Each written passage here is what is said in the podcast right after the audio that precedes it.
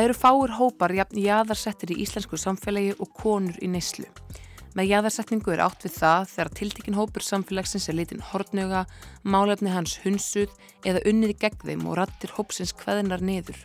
Það er óhætt að fullir það að bæði konur og karlar sem neyta vímuefna eigi sér ekki marga málsvara í samfélaginu eða njóti nælarar virðingar þegar þau sækir sér hvers konar þjónustu almennt.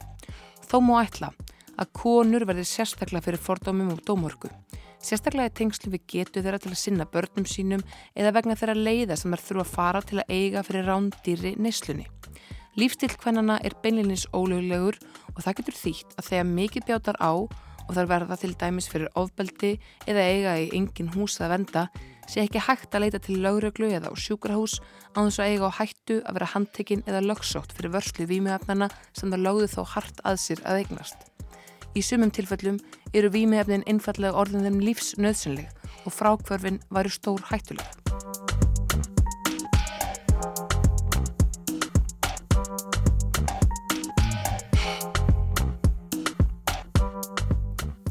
Gestur þáttarins er Hafrún Elisa Siguradóttir, sérfræðingur í skadamingun.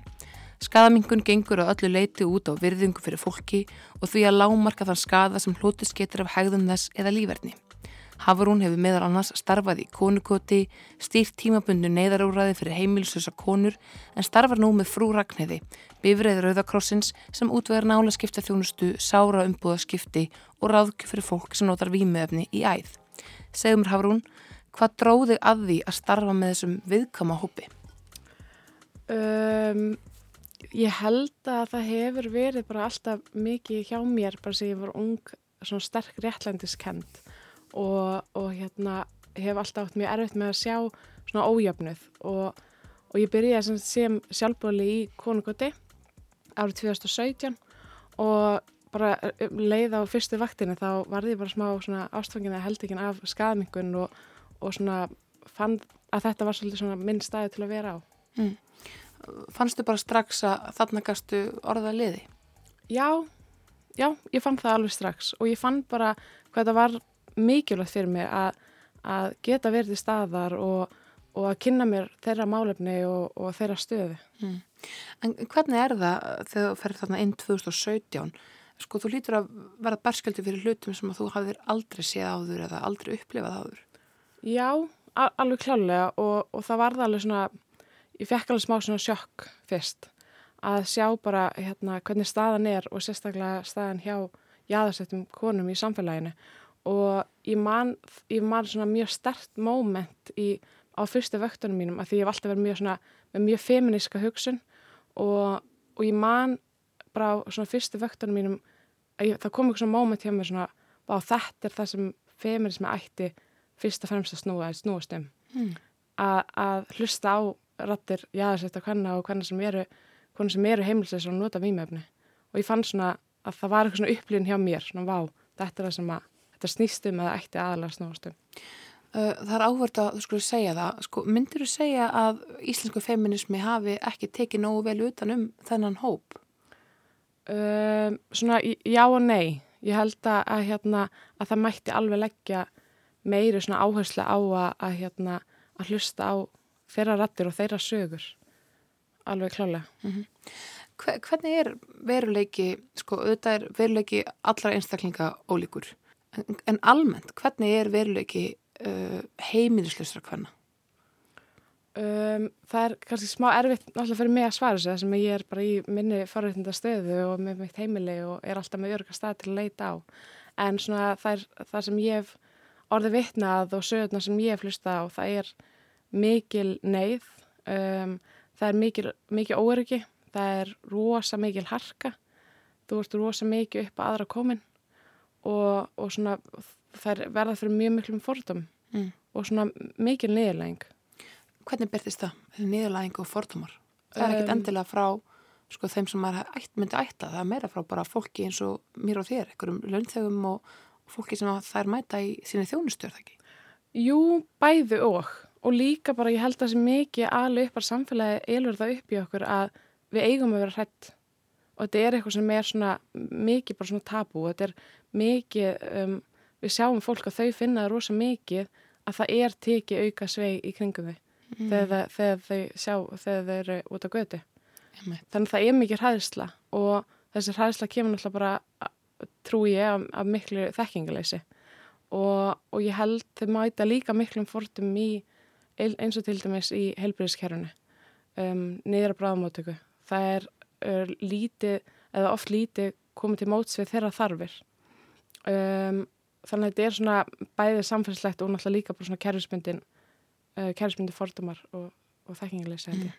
Og það er þessi einmitt sem fælst í því að einmitt fólks fer hinum með við götuna en staðan fyrir að mæta einhverjum sem að það telur sig sjá að sé í neslu. Mm já, og ég held að þetta er svona hjá mörgum svona búið að ákveða fyrir, fyrirfram hver, hver, hver er hann á bakvið. Af því þetta er náttúrulega allt bara manneskir, alveg svo ég og þú, en staðan er öðruvísi og, og ég held að, og það er mikilvægt held ég að muna líka alltaf á bakvið manneskir sem er heimilislaus eða er að nota mýmefni æð, er oft mjög löng áfall að segja bakvið. Það er enginn sem ákveður að verða heimilislaus. Þetta, þetta, er, þetta er svona löng þróun Það er einmitt svolítið áhugavert að því að, að því að vorum að tala um svona, já, hvernig er hugsað um hennan hóp. Þetta er oft, sko, einmitt að baki þessum einstaklingum, e, þau voru oft börn sem að urðu fyrir ofbeldi eða tráma. Já, ég heyri það mjög oft í, hérna, í svona samtölum við um, notendur þjónustu fyrir Ragnæjar að, að maður, svona, maður heyri mjög oft um, áfallarsöðnar og, og það eru oft, það oft áfall sem hafa gerst í æsku um, en síðan er náttúrulega líka bara mjög mismunandi, einhlengsmyndi Mm -hmm. og, og ég held það líka bara mismundi hvernig við skilgjum áfall. Við, við verðum fyrir mismundi áfallum og það er kannski líka svona hvernig náum við að vinna úr áfallum okkar og hver er baklandið okkar og, og hvernig við náum að, hver er okkar bjargráð og það er mismundi bjargráð og, og þeirra bjargráð er oft einmitt að leita í výmefna, að deyfa sem er výmefnum. um, en svo er það þannig að uh, þú hefur verið að stýra uh, sko neyðarúræði sem var sett á út af COVID uh, fyrir heimilsins konur þar sem að, að þar fengu já, kannski fyrsta skipti í langan tíma svona tímabundið varanlega búsettu. Mm -hmm. Hvernig fannst þið vera reynslan af því verkefni? um, mjög góð uh, eins og ég segi, ég var búin að vera í konukoti í einhver ár og það er ótrúlega mikið álag inn í atkvörum. Það er uh, oft lítið uh, svæði, húsnæði er lítið, það er margar konur sem er að deila einu herbyggi saman um, það eru náttúrulega bara í um, allri deila því að vera í þessari stöðu og, og þannig að það verður oft mikið álægin í atkvörunum. Um, þú getur lítið tekið úr aðstæðum eða koma upp eitthvað atvik þannig að þú ert einhvern veginn svolítið inn í, inn í svona rosalega miklu áreiti. Þegar þetta tímabundna neyðuræði sem var opnað vegna COVID, það var verið að reyna að um, það var erfitt að, að fylgja eftir takmörkunum, um, nálæra takmörkunum inn í konungöld, þannig þess að verið þetta úrræði að opna og við sáum strax mjög mikinn árangur. Það er komið inn, þetta var svona hótel og og fengu sitt herbyggi. Þannig að þær fengu sína styrtu, þar gott að fara í styrtu þegar vildu. Um, þær þurfti ekki fara út á daginn, þetta voru opið allan sólarengin, Mm -hmm. en í konungötu opnar lokar uh, tíu mátnana. Þannig að þær þurfti ekki vera í þessu endalsu harki yfir daginn. Hvað ætla ég að vera núna í dag? Hvað geti verið örug? Þannig að ertu bara með þitt rými. Ef það kom eitthvað upp, eitthvað atvek inn í þessu neyðrúræði, það var mjög auðvelt fyrir því að geta tekið úr aðstæðum. Þú gast ferðinni herbyggja og loka að þér. Um, þannig við sáum strax að svona, það var, kom mikið ró, meiri ró yfir konuna sem voru að nýta þetta úrræði. Um, og við sáum líka að, að ef þú ert yfir allan daginn í ykkur harki og ert alltaf að reyna að passa upp á öryggið þitt, þá er rosa erfitt fyrir það að reyna að horfa eitthvað svona fram á við hvaða er sem þú vilt, hvaða, hvort þú vilt fara í eitthvað bataferli eða, eða hvað. Þannig að við sáum þarna líka mjög mikið að að um leið og svona róin kom og öryggið að þá voru þær tilbúin til að skoða þess meira kannski hver, hver svona næstu skref hjá þeim er og svona meiri kannski eitthvað svona framtíðar sín hjá þeim. En svo var þessi úræði lokað. Já, síðan voru þessi úræði lokað eftir, það var samt alltaf verið að framlengja og það kemur upp uh, í held í fyrstu framlengingunni uh, þegar það átt að loka, þá kemur yfirlýsing frá heimilisum konum sem voru að nýta þetta úræði sem var held ég sé ekki að segja rámt en ég held að þessi fyrsta yfirlýsing sem hefur komið frá heimilsvísum konum. Já, og vakti mikla í fjölmjölum og svona. Já, heldur betur. Og það var bara svo magna líka að fylgjast með því að, að þeirra rött var að koma fram. Og ég hef alltaf talað fyrir því að ég er í málsvæðarstarfi en ég vil aldrei taka rött uh, heimilsvísa eða einstaklega sem nota mér í æð. Uh, ég hef ekki reynslað því en það sem ég get gert er að hlusta þeirra sögu og miðla því áfram. Mm -hmm. en, en því var lokað síðan að endanum en, en, en bara gekk mjög vel samt þegar það var opið. Finnur þú fyrir mun að þeir núna hittur þetta þessar konur líka í starfiðinu hjá frú Ragnæði? Mm. Sko, finnur þú fyrir því að það, er, þetta, það að loka hafi sko, jafnvel leitt við þess að einhver skrifur tekin aftur og bakk? Nei nei, ég get ekki sagt það að því að þetta var bara mjög vel farið að því hvernig það var lokað og, og flestar komist í öðru húsnægi. Þannig að það, við sáum alveg þarna að það er hægt að gera hluti sem við heldum að vera ekki hægt og það kom svona kannski eitthvað gott út úr COVID að, að var, þetta kom fram að, að það eru svona hluti sem við heldum við getum ekki gert en, en vissulega var hægt. Eins, eins og hvað? Eins og þetta að opna þetta úrræði það sem er sólæðings uh, opnun mm. og, og þar vorum með sitt örga, örgan stað og eigi herbyggi. Það eru þetta uh, í bæði konukvötu og gistiskílinu sem er hugsað fyrir kallmenn og er á lindagötu. Mm -hmm. Þar er um þetta, það loka klukkan tíu á, á daginn og opnar aftur klukkan átta eða klukkan fimm, klukkan fimm á já, daginn. Já. Já. Uh, hvað þýðir hérna, sko, hver eru rögin fyrir því að loka þarna miðan dag? Uh, ég held að, að það er öruglega komið mikið út frá því frá fjármagni um, það er náttúrulega kannski smá erfitt til mig að svara það sem ég er ekki að starfa hjá Reykjavíkuborg en, en mig grunn að það sé vegna fjármags og, um, og þetta er þar þarf náttúrulega líka að vera neyðarúræð, þetta er ekki búsitúræð mm. og það er líka mikilvægt að skilgreina það þannig mm. en Reykjavíkuborg hefur klálega unni mjög gott verk í þessum máluflokki og er eina sveitafélagi sem er virkilega að leggja mikla vinnu í að reyna að koma til móts til þeirra þarfir. En að þau er alltaf mikið hrós skilu fyrir það. Ég held að margir uh, og hlustendur eflaust margir um, hugsa um sko fólk sem að notar výmjöfnu í æð, það sé allt sjálfkrafa heimilslust. Það er ekki alveg þannig. Nei, alls ekki. Uh, þannig að sko ykkar þjónustöð hjá, hjá frú Ragnæði er ofta að fara, já, eða þið fáið fólk sem á sko í einhver hús að venda eða með aðganga félagsýbúð og svo framvegs en nota samt við með efni að og nýtir eitthvað þjónustu. Já, við, já, klálega. Við erum sagt, sér innrættaðar bíl sem keirum um að höfuborgarsvæðinu og erum að veita svona lág þröskulda heilbyrðistjónustu. Við erum að reyna að minka sem alla þröskulda til þess að fólk geti leita í heilbyrðistjónustu. Uh, og við vinnum eftir skadamingandi hugmyndafræði og þá er svona, erum við að reyna að minga sem mestan skadan sem getur oft myndast við výmafnótkunni æð og þegar fólk er að glíma heimilsleysi. Uh, svona markhópun okkar sem við erum markhópun okkar sem við viljum þjónusta eru uh, einstaklega sem er að nota výmafni æð og sem eru heimilslaus. Mm -hmm. En það er ekki saman sem merkja að það að vera heimilslaus að þú noti výmafni æð það er fólk sem er heimilislega sem nota ekki vímefni síðan er fólk sem er heimili sem nota vímefni þetta er bara allt, þetta er náttúrulega allt einstangsmyndið og, og mismyndið hvernig staðan er hjá fólki. Mm -hmm. en það er allir velkomin, allir velkomin til okkar. Uh, en þetta er svona markkópnar sem við erum að miða við. Sko ef að fólk væri ekki að nýta sér þjónustu uh, frú Ragnir hefðu þau möguleika á nálaskiptum, hefðu þau möguleika á að fá reynar spröytunálar annar staðar? Um, já, það er búið að vera meiri veitundavakning og eins og í atkvörnum og í mörgum íbákjörnum sem eru að vega um Reykjavíkborgar er náluskipti þjónusta. Mm. Þannig að það er komin alveg mikil skadamengandi hugmyndafræði inn hjá Reykjavíkborg til dæmis. Um, þú getur farið uh, á margar heilsugastöður, það sem eru svona áhalda kassar og svo getur þú náttúrulega líka að fara í apoteki. Um, en það er bara mikið af fólki veigra sig við að leita eins og til dæmis á helsikastöðun og ná í áhaldabakka eða fara neða bráðamáttöku eða apotekki vegna bara svona forduma uh, þannig að ég veit og, og það sem við hefum herti er að þeim er mjög þægilegt að koma í bílinn til okkar að þau þau upplifa að þeim er um, mætt á þeim stað sem þau eru á án forduma og með skilning. Og við leggjum líka miklu áherslu af því að við erum ekki bara að deila út búnað við erum leggjum miklu áherslu vöktum að við erum að veita skadamengandi fræðslu. Þannig að við erum að reyna að, að koma í veg fyrir uh, döðisföll, ofskamtanir.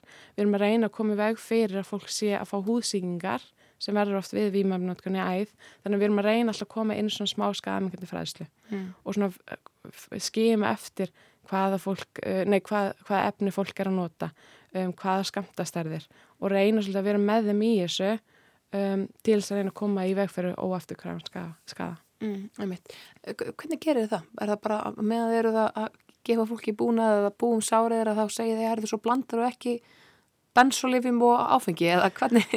Já, þetta er alltaf allt rosa mismöndi sko. en, en þeir, þeir sem standa vaktinu okkar eru sjálfbúðilega kvöldin sem eru magnaði sjálfbúðilegar uh, og er alltaf tilbúin til að mæta og hugsa svona ljósna með með okkur uh, og þau sem sagt koma inn í bílinn til okkar, skjólstæðingar okkar og um, við tökum bara mjög gott spjall, síðan náttúrulega líka bara mismöndi hva, hvernig líkur á fólki og hversu mikið af fræðstöðu við vilja fá.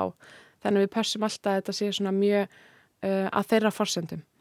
Og, og þá reynum við bara svona svolítið að skema eftir hvort séu að nota výmefni og, og má ég spyrja hvaða výmefni þú ert að nota og svo fyrir við bara svona, erum við með svona skimina lista og, svona ef þú ert að nota morfín, má ég spyrja hversu hversu stórun skamt þú notar, hvað efn ert að nota mm -hmm. uh, og svona reynum að koma inn eitthvað svona fræðslu.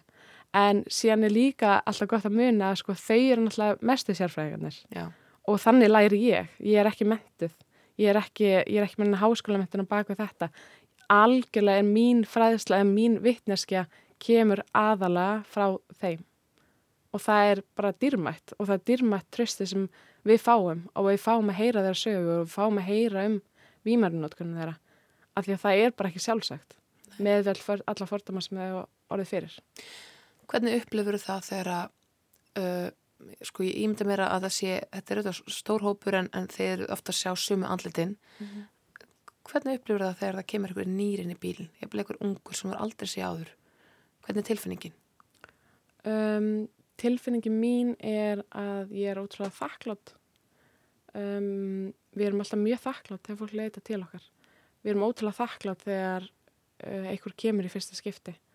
Og við reynum eftir bestu getu að það sem ég er að gera dægin er að fylgja þeim málum vel eftir. Mm. og við viljum reyna að því að við erum svona, svona við, við kallum okkur ofta eins og við séum átrýtsverkefni að við erum oft svona fyrsta snertingin hjá fólki. Við erum oft fyrsta snertingin uh, mikið fólk sem kemur til okkar sem veita, vita bara ekki á sínum réttindum. Vita ekki á sínum réttindum inn í félagslega kerfinu eða í helbriðiskerfinu þannig við erum á svona fyrsta snertingin og reynum að koma þeim álegis í, í ferli þeirra mm. málum. Uh, þannig að við erum alltaf mjög þakklátt þegar kemur nýtt fólk inn til okkar og reynum eftir bestu getu að gera svona andluslöftið og, og hafa þetta sem svona örugt, svona safe space til að koma í mm. En ok, aftur að heimilslösu konunum og konum í výmefninslu almennt, ekki endilega bara heimilslösum. Það eru ný afstæðanar alþengiskostingar, mm. þar sem að var aðeins verið að tala um, það er svona sum, uh, já, það spunnir svolítið heitar umræður um, um afstöðu stjórnmálflokkana til afklapavæðingar výmefna. Uh, sumir eru með þá afstöðu að það er afklapavæða kannabisefni en ekkert annað, aðri vilja afklepa væða allt og bara hérna, já, bara horfa á vandan frá öðru heldur en eitthvað svona lögjast í svona miðum. En hvernig er það í dag uh, þegar að allt, öll výmjöfni eru óluleg, ég nefna þetta læknadópið, eh, sko, þau hljótu verið að hrætt við laurugluna og þessar konur, þær er í veikri stöðu kakvart lauruglunni. Um, já, það er náttúrulega afglæpavæðing, það er búið rosa mikið fólk sem nota výmefni, það er rosa mikið búið að glæpa við að lífi þeirra. Já. Það er allt, all fjármagnun fyrir oft fram ólega. Það er, um, það að vera með neysluskamt eða vera með výmefni á þér er ólelegt. Þannig að það er um, ítrykkur svona, eða svona hræðisla hjá þeim að, að þau eru búin að retta sér ákveðum skamt af výmefnum að hann verði tekin af þeim, að þau verða um, sett í fangaklega Þannig að það er oft mikið hræðsla og það mikið hræðsla oft finnum við um, við laurugluna. Ég held að það er samt alltaf mikilvægt að tala um það að það er, lauruglan er ekki vond og, og við verðum ekkert held ég aftur að muna það og, og við verðum að vilja og trúa og sjá að það er gott fólk innan lauruglunar en þau vinna innan ákveðins kerfi eða undir lögum sem þau þurfa auðvitað að, að fara eftir. um, en, en það er vissilega og við finnum mjög oft hræðslu og gagvarslauruglunni að þau séu stoppuð um, og konur eru oft í mjög viðkomni stöðu í sambandi við þetta. Mm. Hvers vegna? Akkur eru það í sérstaklega viðkomni stöðu? Konur eru alltaf bara almennt í mjög viðkomni stöðu í aðsættar konur. Um, þær verða oft fyrir miklu ofbeldi. Um, þær eru eins og sagðan mikið upp á aðra uh, komin um, og allt hvernig þær fjármagnar sín nesli er óluleg. Um, ég held að konur alveg eins og Eru, það, eru við það að tala um kynlífsvinnu? Meðalans, já, já. Já. Uh, meðalans nota þar kynlagsvinni til þess að fjármagna sín nesli. Uh, og ég held að, að það er svona, það er alltaf viðkvæmari um, og þær eru alltaf undir einhvers konar valdi, eða mjög oft, það er erfið þegar maður kannski alhafa, en mjög oft eru þær undir einhvers konar va- valdi, hvort að, sem að það sé frá maka eða, eða vinum. Mm.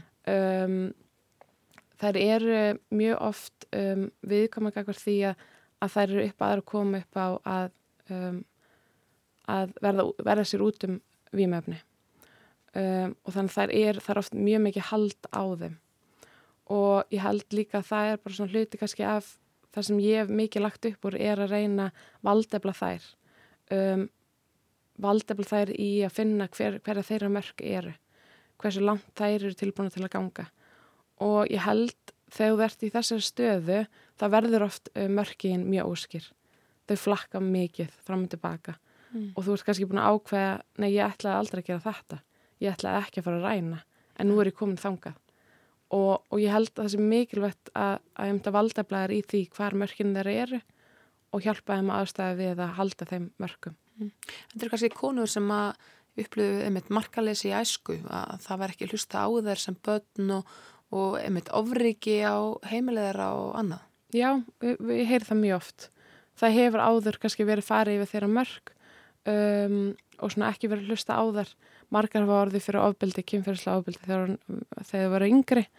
Og, og eru kannski ekki alveg svona átt að segja á um, hvað, hvað mörkinu þeirra eru líkja og hvað þær eru tilbúin til að láta uh, kom, hvernig þeir eru tilbúin til að láta koma fram í sig. Mm En svo er, svo, uh, er þetta atriði með þegar það verða fyrir ofbeldi í nánum samböndum uh, hvort sem það er heimilsofbeldi eða bara ofbeldi af hendi eitthvað sem er þeim nákominn sko uh, það er, það er, erfir, það er alltaf erfitt fyrir konur sem verða fyrir ofbeldi í nánum samböndum að leita til lauruglunar því það er einfallega stórt skref. Það er stórt skref að vísa lauruglunni á eitthvað sem manni þykir væntum en uh, það er eiga að hættu að sko, komast, koma sjálfum sér í vandræði ef að þær gera það.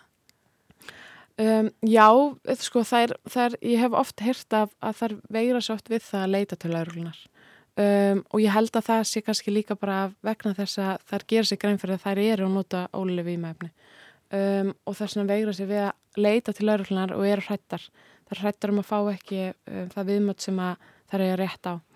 Uh, og það er líka að því að þegar þú ert heimilslaus og verður fyrir ofbeldi, hvort sem að það sé í náni sambandi eða, eða ekki og hvað sem að það sé líkanvægt eða kynferðislegt eða andlegt ofbeldi þá er rosa lítið það er úrræðaleysi fyrir þær. Mm. um, það sem þær geta leita til ef þær er að koma úr ofbeldi er konukott það er ekki annað úrræði. Nei. þær geta auðvitað farið ef það er kynferðisofbeldi geta farið niður á neyðamáttöku og fá frábær þjónustu þar. Neyðamáttökan er uh, vinnur mjög gott verk hérna á Íslandi.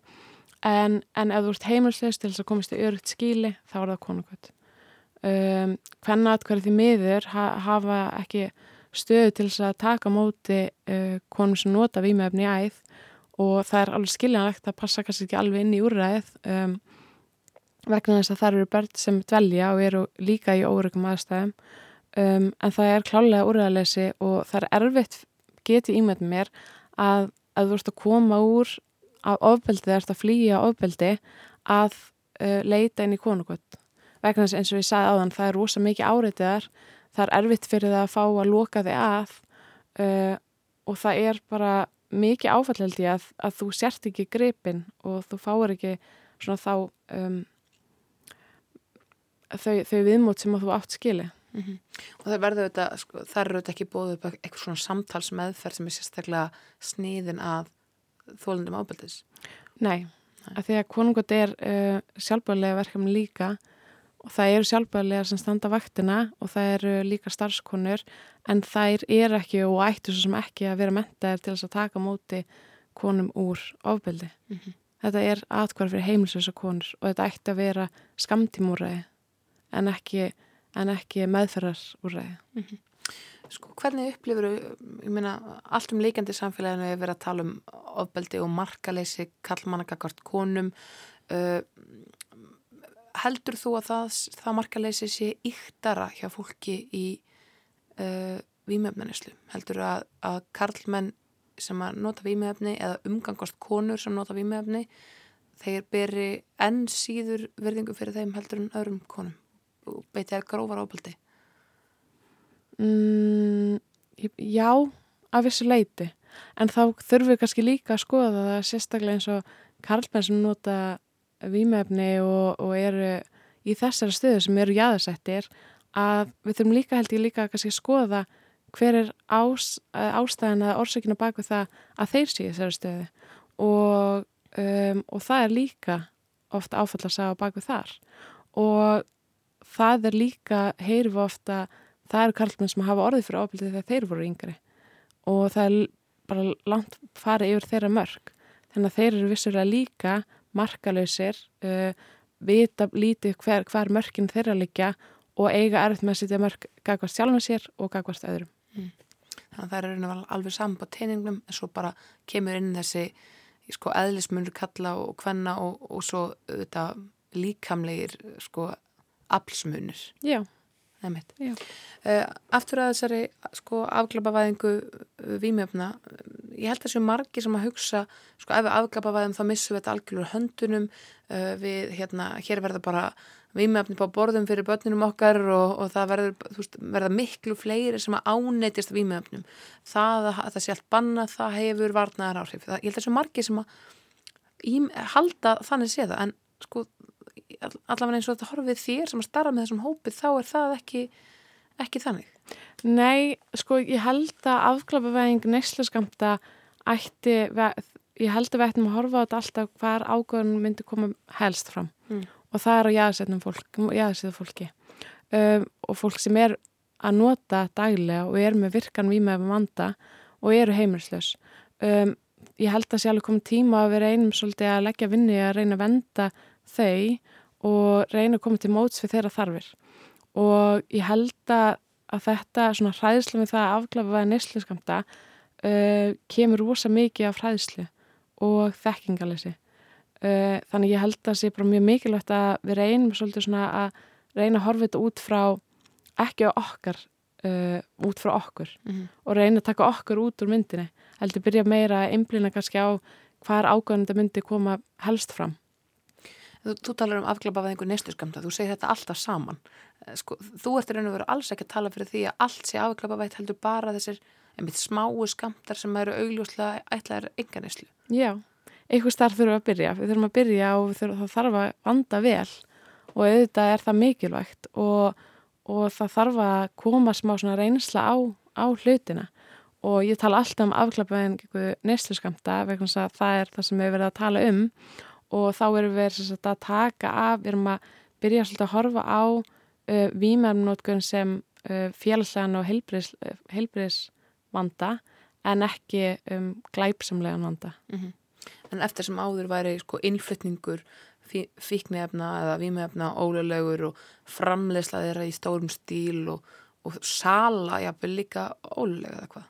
Já, þetta gildi bara um það að, að þú ert ekki sagtaður eða handtíkinn fyrir það að vera með uh, neysluskamt af výmöfnum á þér. Mm -hmm, á, þess, á þessu er þetta til að vera munur? Mikið munur. Ég held að þetta sé ofta flækjast fyrir fólki að því að afklapavæðing og hvað það afklapavæðing neysluskamta er landi frá að vera annað heldur en löglegging allra výmöfna. Og þannig kemur kannski þekkingileysið fram. Mm -hmm, mm -hmm. Uh, ef þú myndir mála upp svona svona þinn, þinn fullkomna heimi í þessum sko, málefnum þar sem að væri nóga fjármunum og að því þú hefur þetta marga snertifletti og sérstaklega í þjónustu við konur en, en núna við bæði kyn hvernig myndi þessi uh, þjónust að líta út? Hvernig, hvernig gætu við aðstóða hópin sko, með besta mögulega hætti?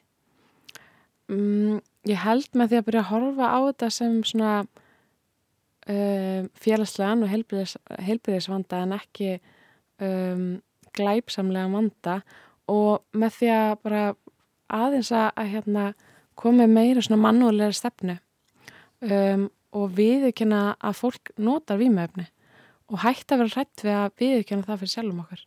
Um, og frekar reyna svona að hugsa hvað get ég gert eða við til að koma til móts við þarfið þeirra til þess að reyna að minga sem mestan skada hjá þeim sem verður mm -hmm. um, reglulega og er mikil skadi oft.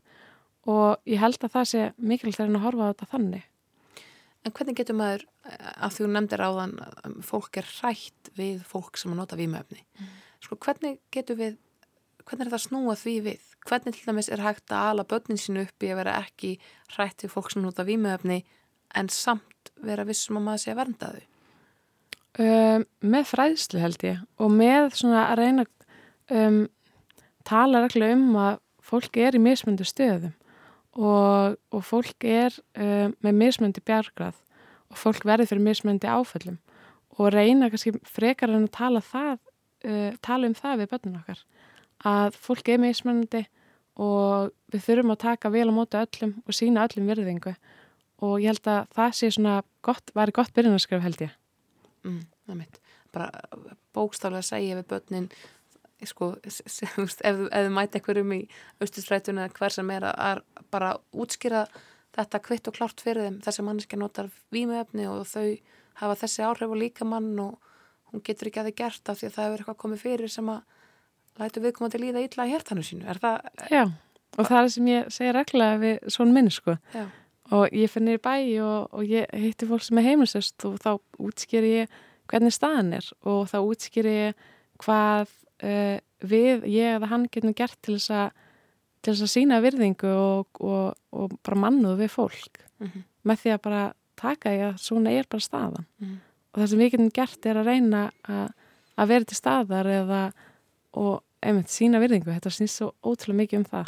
Fólk er oft hrætt við sko glæpi í sko, tengslum við það þegar fólk er einn að fjármagna neyslu sína neysla er mjög dýr sko ef fólk er til mjög svo örörkubótum uh, sem margir eru í þessari aðstöðu hva, hvað eru þau fljóta að spæna sig í gegnum sko, fjármagna sitt áður en þau þurfa að fara að nota aðra leiðir?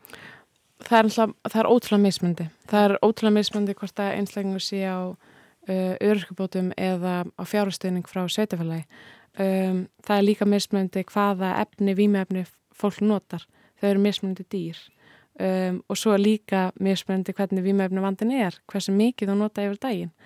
Þannig að það er ótrúlega, smá erfitt kannski að svara því sko en, en ofta er þetta bara, hef, það sem ég hef heyrt er svona kannski fyrstu vikunar og þá er uh, fjármagnum farið. Já og þá er ekki verið að verja miklum háum fjárðum í mat eða neitt, er, þetta er nummer 1, 2 og 3. Þetta er það og, og það er, eða oftast er það það um, þannig að það er svona fyrst og fremst er það alltaf að hugsa uh, hvernig get ég fjármagna næsta skamt og, og þá er svona er annað uh, ekki kannski í, í fyrsta sæti í hugsun. Um, og þess vegna kannski er líka mikið leita til okkar fyrir regni, við erum með næringu og, og það er líka svona hluti af skamingun er að, að veita næringu. Og, og við sjáum ótrúlega mikið fólk sem leit til okkur sem er mjög vannert og, og þannig já Einmitt. Þetta eru, já, þetta eru nokkur dagar í mánuðinum og svo tekur harkið við í raun og veru Hjá flestum, já. já. Hjá svona þeim sem eru með mesta výmöfnum vandan. Mm -hmm. eru, e, e, sko bara rétt í lókum af því að, því við erum búin að tala með hennan óta sem að fólk hefur sem að er byggt af fordómum og, og um ótti við glæpi og svo, og svo framvegis. Eh, það hefur mætt mikilli andstuðu að byggja húsnæði, smáhísi fyrir þann hóp sem er heimilslaus. Er svo ótti algjörlega ástæðalus eða er eitthvað til í því að, að það sé kannski svona, fólk eigi vilji halda þeim í selinga fjarlag? Já, og ég held að uh, Reykjavíkborg að því komin áðan þau hafa unni mjög gott verk og og þau eru að reyna eftir bestu getu að, að finna úrræði og opna úrræði. En, en það verða oft svona háarattir í hverfum sem að mótmæla. Mm -hmm. og það er ótrúlega sorglegt og ég veit og ég get ímynda mér að ef þú ert heimilsleis og þú ert kannski búin að býða eftir félagslegu húsnæði í mörg ár og svo koma að því að, að mögulegt að fara að fá félagslegt húsnæði en þá sér því fjölmjölum með fréttum að þú ert ekki velkomin í eitthvað hverfi. Og þú ert ekki velkomin í eitthvað hverfi vegna þess hvernig staðan þín er Mm. vegna þess að þú ert að um, deyfa kannski einhver áföll af výmefnum og það er svona hluti af svona samfélagslegum fordæmi sem eru til staðar og, og ég get ekki ímyndið mér hversu erfitt það er að sjá það að verða fyrir þessum fordæmi og finna að, að eftir allt þetta hark að þú sérst ekki velkomin Er margir sem að fara inn í húsnæði vitandi það? Vitandi það, sko, næsta nákvæmnis er mjög líklega antökuð því að þú sért í hverjunu. um, ég held að flest þeir sem eru í svona jaðarsett gera sér held ég mest grein fyrir öllum fordum Mm. um, og verða náttúrulega fyrir öllum þessum fordum og upplega það að, að þau, þau eru ekki tekin í sáttum. Mhm. Um, þau eru ítrekað daglega að berjast fyrir sínum mannréttindum, berjast fyrir sinni tilvist.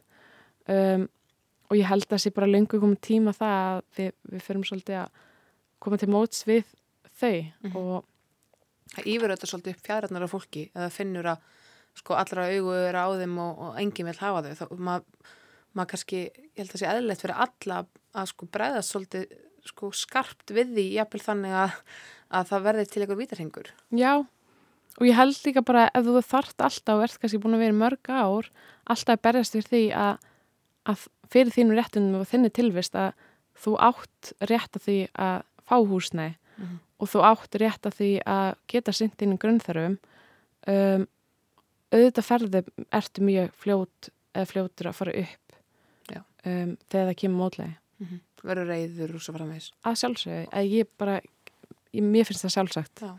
Að ef þú ert alltaf búin að vera og þurfa alltaf að vera berjast fyrir því að þú þínum er rétt og er alltaf að vera að brjóta þínum rétt að sjálfsögðu verður þreytur Og svo hefur við með efnaneysla auðvitað svolítið svona erfið áhrif á tögakerfið. Maður verður kvektur og viðkvæmur og, og því hljótið að mæta því e, svona finna svolítið fyrir því.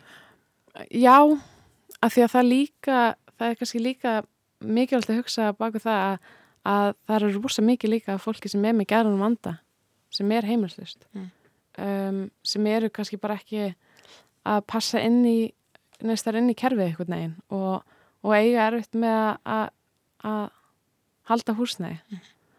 Og, og það er kannski líka svona eh, sýnir að það er mikilvægt að horfa á þetta sem félagslegan og heilbliðis uh, vanda. Rétt að lókum á persónlega nótunum hafrún uh, nýtur starfsins, finnst þér þetta gott starf að starfa við? Já, ég, ég, er, ég segja mjög oft, ég elska starfið mitt. Uh, ég elska um, að fá að starfa á þessum vettvangi og mér þykir ótrúlega vænt um það allt trösti sem ég fæ og ég uh, minnum á það daglega og bara hvað ég er ótrúlega heppin. Af því það þetta er ekki sjálfsagt mál að fá að heyra allar þessar sögur, að fá allt trösti og ég er ótrúlega þakkláð fyrir það og vissulega elska vinnuna mína mjög mikið. Frábært. Hafrún Elsa Sigurdóttir, takk kærlega fyrir komuna í kynstrin öll. Takk hérlega fyrir.